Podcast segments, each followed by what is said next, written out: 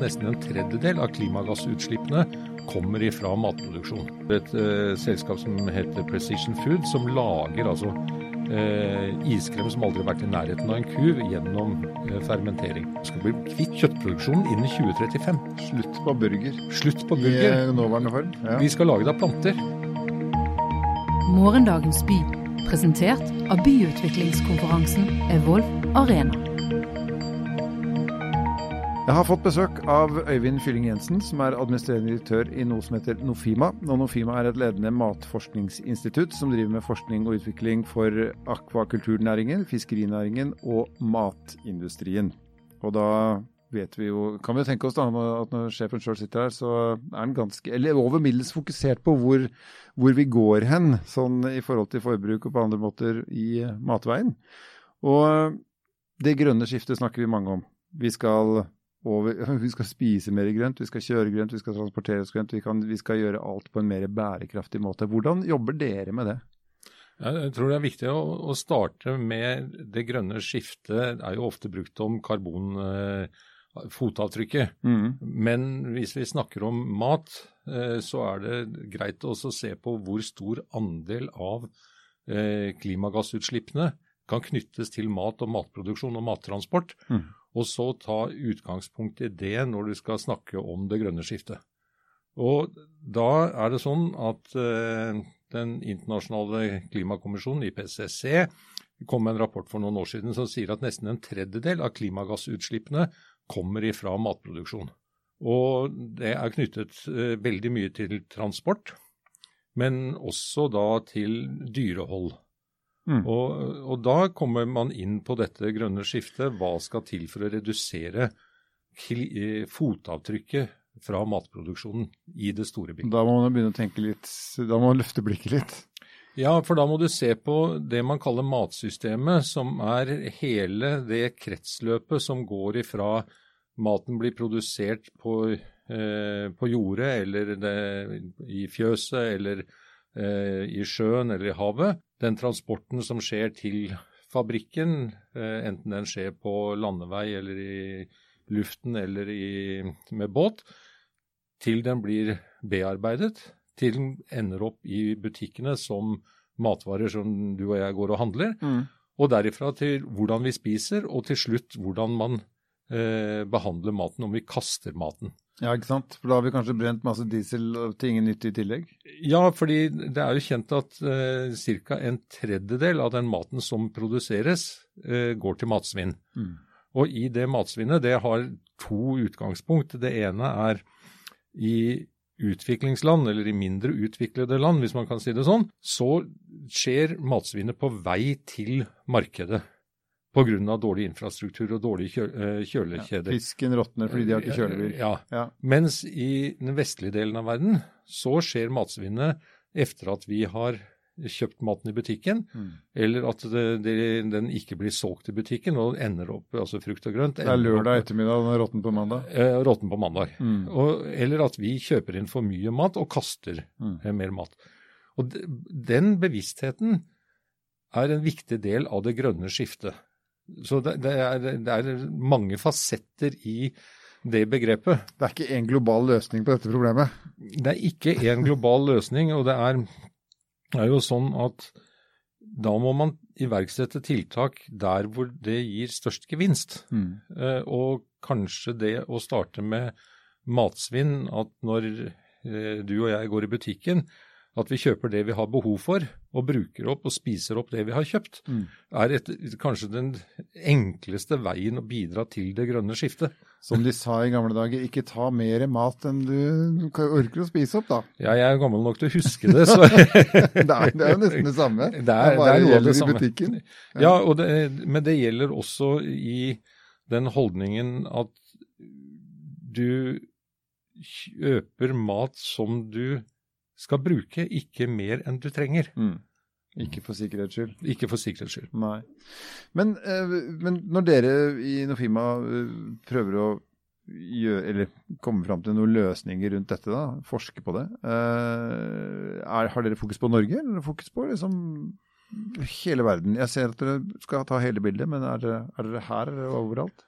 Nei, vi er, eh, Hovedsakelig så er vi jo i Norge og innrettet mot eh, bærekraftig omstilling i norsk matindustri. Mm. Altså det, Vi jobber jo, eh, bortsett fra innenfor akvakultur eller havbruk, eh, så jobber vi jo etter høsting og slakting. Mm. Eh, og ut mot forbruker. Mm. Eh, og det som går på primærproduksjon, det er andre aktører som driver med. Eh, men vi har også aktiviteter rettet mot det internasjonale markedet, altså gjennom eh, forskningsprosjekter sammen med eh, nasjonal og internasjonal industri, eller EU mm. og universiteter. Og På den måten så henter vi kunnskap ute som vi kan bruke i Norge. Og vi tilfører kunnskap fra Norge til de ute fordi problemstillingen er global er Altså, vi nordmenn ynder jo å være best i klassen. Vi har jo etter hvert skjønt f.eks. på klimatiltak at EU er langt bedre enn oss. Vi har skjønt det er en del ting vi etter hvert begynner å demre. Altså, hvordan er vi her? Jeg tror vi er inne på en betydelig omstilling i norsk matindustri. Og det ser man gjennom eh, selskap som eh, Orkla, Nortura, Tine, eh, dagligvarehandelen, altså Norgesgruppen Coop, eh, Reitan-gruppen, som har bærekraft langt fremme i eh, sine handling og gjør tiltak for å redusere alt fra transport, utslipp, matsvinn og, og, og jobber for å energieffektivisere eh, produksjonen sin. Mm. Så ja, nei, jeg tror vi er eh, Vi er ikke verdensmestere, men vi er ikke de dårligste heller. okay, vi er fremme i skoa et sted? Ja, vi er fremme i skoene. Og bevisstheten eh, som er i Norge rundt dette her, er ganske høy. Hvor viktig er folk, altså konsumenten? Nå, nå, nå vokser opp en generasjon som er vesentlig yngre enn deg og meg, som, som har miljøbevissthet og totalbildet på planeten på et helt annet nivå enn det vi hadde da vi vokste opp. Hvordan påvirker det bransjer? Ja, det er, eh, det er noe av det som er kanskje det vanskeligste. For spør du forbrukeren idet han går inn i butikken og, han, eh, og, ser hva som ligger i handlekurven, ja. Eh, så, så, er det et ganske vanskelig, eller ganske annerledes bilde. Men det vi ser, er at vi har fått et uh, forskningsprosjekt nå som ser på hvordan kan vi påvirke forbrukerne mm. uh, i mer, mer, miljømessig og mer bærekraftig retning. Uh, sånn at du må forstå forbrukeren. Veldig mye har jo startet at, med de ideelle organisasjonene og sånt noe som pådriver. Men det hjelper veldig lite hvis ikke du får med deg forbrukeren. Men da må du forstå hvordan forbrukeren tenker. Mm. Og det som kalles eh, generasjon alfa, dvs. Si de som er født etter 2010, de vil jo tenke helt annerledes enn eh, eh, vi som er babyboomers og mm. født eh, rett etter annen verdenskrig, for å være litt sånn eh, billedlig. Mens gen, generasjon Z, eller altså tusenårsgenerasjonen osv., de er en viktig pådriver på dette her som går på bærekraft, miljø, mm. dyrevelferd eh, og utslipp. Og stille da krav mm. til produsentene. Ja, ikke sant. For er, nå er det på en måte ikke bare å, å grise i vei. Nå må, må, det være en helhetlig tanke i, i ting. Ja, altså Hvis du ikke oppfører deg ordentlig, så mister du markedet. Mm. Det, Mens i gamle dager så så vi det ikke engang, ikke sant? Nei, og det den bevisstheten var bare ikke der? Nei, og heldigvis, må vi jo nesten si, så begynner jo også eh, bedriftene å se at du kan ikke bare utnytte ressursene. Du må ta vare på ressursene, mm. og alle ressursene bør brukes til de ikke er noe mer igjen. Mm. Og Der ligger jo noe av utfordringen i dette, denne omstillingen. Fordi det vil kreve nye produksjonsmetoder, det vil kreve nye eh, eh verktøy, det vil kreve nye eh, krav til råvarer osv. Du skrev en kronikk i Aftenposten hvor du, du, du henter fram seks eh, punkter. og For øyelig enkelt da, altså Ingenting skal gå til spille, mer plante, mindre kjøtt, eh, og dyrking av kjøtt og fisk. Moderne genteknologi og digital utvikling. Og så har du det punkt nummer fire, som er presisjonsfermentering. Ja. Det syns jeg var spennende. Da kan man altså dis nærmest designe mat med slags gjæringsprosesser? Ja, altså Du design, designer cellene som produserer proteiner, mm. eh, til å lage bestemte proteintyper eller proteinfraksjoner eh, som du så bruker til å sette sammen til mat. Og Det kan du gjøre ved å efterligne proteiner som f.eks. i iskrem, eh, hvor du har et eh, selskap som heter Precision Food, som lager altså eh, iskrem som aldri har vært i nærheten av en kuv gjennom eh, fermentering. Og jo mer vi kan om cellene og cellenes egenskaper, og jo mer vi kan om proteinene og proteinenes egenskaper, eller karbohydrater eller fett, så kan man ta og bruke gjæringsteknologi eller bakterier som produserer på samme måte som du produserer antibiotika. for å, mm, ja. ja. sånn. De omdanner stoffer, rett og slett? Ja. ja, omdanner stoffer til å lage proteiner som du kan lage matvarer av. Men Ok, så la oss koble inn moderne genteknologi også. ikke sant? Jeg husker protestmarsjene på 80-tallet med amerikansk genmanipulert soya, og det var ikke grenser. ikke sant? Og, og vi tenkte at dette her er styggedom. Nå vokste snart Alien Nation inn i, i stua. Eh, og så kan det se ut nå som dine fremtidsvisjoner, så er disse, denne typen teknologi helt avgjørende for at vi skal få til det vi må oppnå. Må vi slutte å protestere mot eh, å tukle med skaperverket? Det vil alltid være to leire. Ja, eh, du, du, du, eh, du, vil ha teknologioptimistene, og du vil ha teknologipessimistene.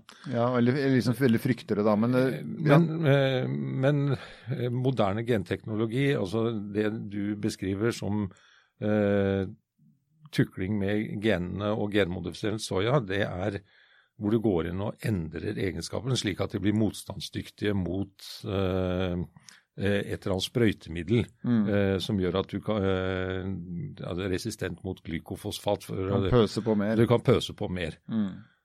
Det som skjer nå, er jo eh, bruk av eh, gensaks, hvor man klipper ut spesielle små genfragmenter som gjør at f.eks. frukten ikke råtner, mm. eller at eh, fisken ikke blir syk, eller sånne ting fortsatt på et tidlig stadium. Mm. Men det er en teknologi som heter CRISPR-Cas9.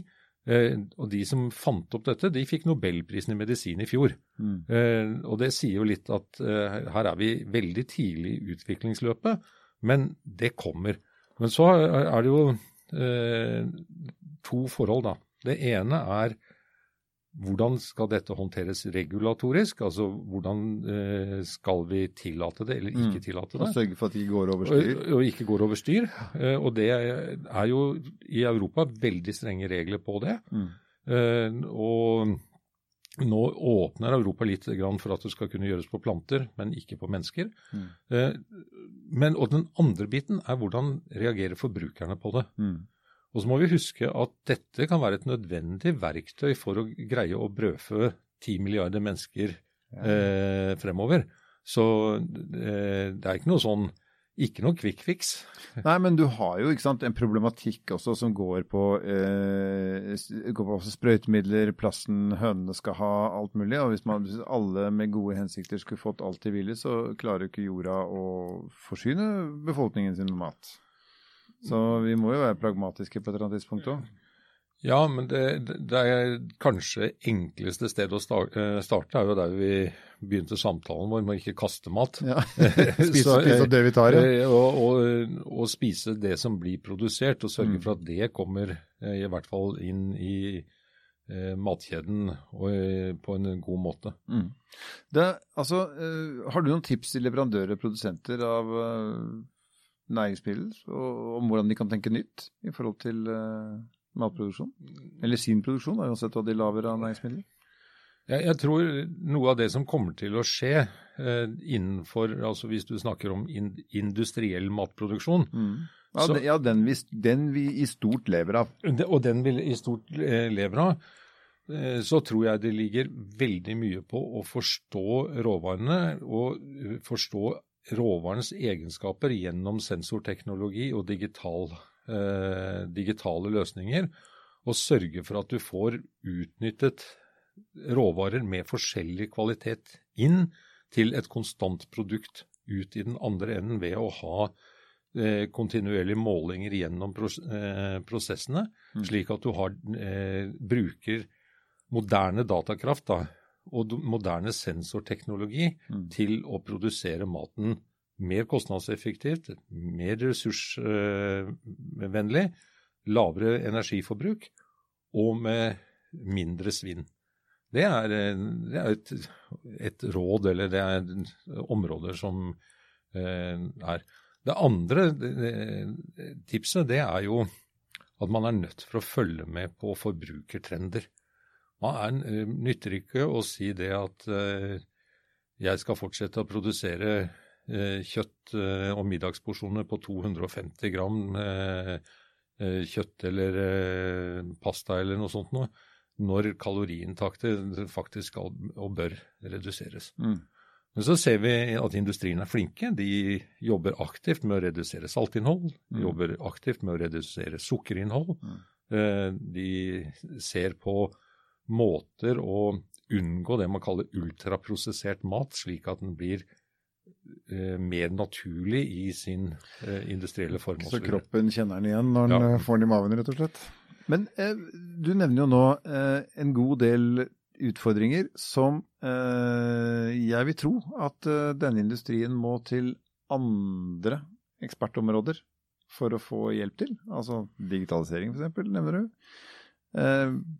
Eh, kan vi se koblinger mellom Altså nå snakker Apple om å komme med en bil. Sony gjør det samme. Tesla gjorde det. Eh, det dukker opp aktører da, som, som melder seg på Eh, i, i, i, i, markeder som tradisjonelt sett tilhører noen helt andre. Kommer vi til å se det i, matvareindustri òg? Det, det, skjer uh, hele tiden. Og det er to, trender du ser der, hvis jeg skal uh, prøve å være litt sånn enkel i forklaringen. Det ene er teknologikonvergens opp mot altså teknologi som møter tradisjonelle matprodusenter mm. og lager nye konstellasjoner og nye aktører. Og eh, dette ser vi i f.eks. dette senteret for forskningsdrevet innovasjon, eh, Digital Food, som Nofima akkurat har startet opp, eh, hvor dataindustri og matindustri og teknologileverandører møtes for å lage nye produksjonsmetoder mm. og ta vare på kvaliteten. Så det er den ene. Men den andre det er at du ser gründerbedrifter og startup-selskaper som henter inn vanvittig mengde kapital som kommer fra helt andre bransjer. Mm. Eh, eh, og den største biten der er jo kanskje innenfor det som kalles plantebasert mat. Eller kjøtterstattere. Eh, melkeerstattere. Eh, og det interessante, jeg leste akkurat i dag at eh, Eh, den finske meierigiganten Valio har nå laget en egen divisjon for plantebaserte produkter. Fordi, i erkjennelsen av at Nå gjør jeg sånn gås, eh, ja, ja. Eh, hermetegn, eller hva det Plantebasert melk eh, står for altså borti 15% av melkesegmentet i USA mm. eh, i verdi. Og det, er, det vokser kjemperaskt. Altså havremelk, soyamelk, eh, mandelmelk osv. Så, mm. Og, så der får du helt nye aktører som kommer inn. Eller de som lager kjøttetterligninger som eh, Beyond Meat, Impossible Burger osv., som har en agenda som de sier at eh, vi skal bli kvitt animalsk dyreproduksjon. Vi skal bli kvitt eh, kjøttproduksjonen innen 2035. Slutt på burger. Slutt på burger. I nåværende form. Ja. Vi skal lage det av planter. Skjønner du folk som nesten blir litt forbanna? Altså, vi har jo sånn kjøttfri fredag, og det får jo folk til å våkne som ikke har vært våkne på mange år. Så, og, og, det er jo en måte, det engasjerer jo veldig, for det er jo noe som angår alle. Ja, men jeg tror, tror forbrukerne altså, jeg tror Det dummeste vi kan gjøre, er å si at forbrukerne er dumme. Eh, det er en eh, Da undervurderer du eh, mannen i gata, for å si det litt sånn Det er ingen som kommer til å tro på at vi skal forby kjøtt. Det kommer ikke til å skje. Men det Jeg tror at den yngre generasjonen, hvis jeg snakker med sønnen min, mm. så spiser han mindre kjøtt enn det jeg gjør. Og du spiser mindre kjøtt nå enn du gjorde før? Og jeg spiser mindre kjøtt nå enn jeg gjorde før. Mm. Men skal han ha en biff, så kommer han hjem til far. Ja. Men kanskje i 2035 så vakler far bort til sønnen, ja. og så får noen han, noe han syns egentlig er litt bedre, men som ikke er biff. Ja, men det har jo det med at far da trenger et annet kosthold enn det han gjør i dag. Og ja. der er du inne på liksom en, det mulighetsrommet mm. som ligger i å lage persontilpasset mat til en stadig eldre befolkning. Mm. Eh, og det er et interessant område. Som er designet for uh... Som er høyt på protein, godt på smak, mindre porsjoner, tilpasset oftere spising mm. osv. Det, det er jo et kjempespennende markedsområde. Ja, I hvert fall med tanke på at vi er så mange som blir så gamle så fort nå. Så det, Vi er jo et kjempemarked, i hvert fall i Norge. Ja, og, og hvis du sier Eh, du stilte jo spørsmålet er det noe annet som kunne vært spennende. Så er det jo at antall enpersonshusholdninger i byene mm. Altså flere og flere bor i byer. Mm. Det er eh, en kjensgjerning. Ja. Men det å lage mat og porsjoner som er tilpasset enpersonshusholdninger. Det fins jo nesten ikke, vet du. Det er et markedssegment som jeg ikke skjønner at uh, ikke noen har uh, ikke tenkt på. De enslige parti hadde jo vunnet valget. jo da, men, men, det er altså sier, Nå har jeg ikke tall fra Norge, men i Stockholm så sier de at uh, over 60% av de som bor i Stockholm, er enpersonshusholdninger. Ja, det, det, er, det, er, et kjempemarked. Det er rart man ikke får kjøpt mat til de. Men nå, du, nå, er vi litt inne på det, da. Eh, fremtidsmat.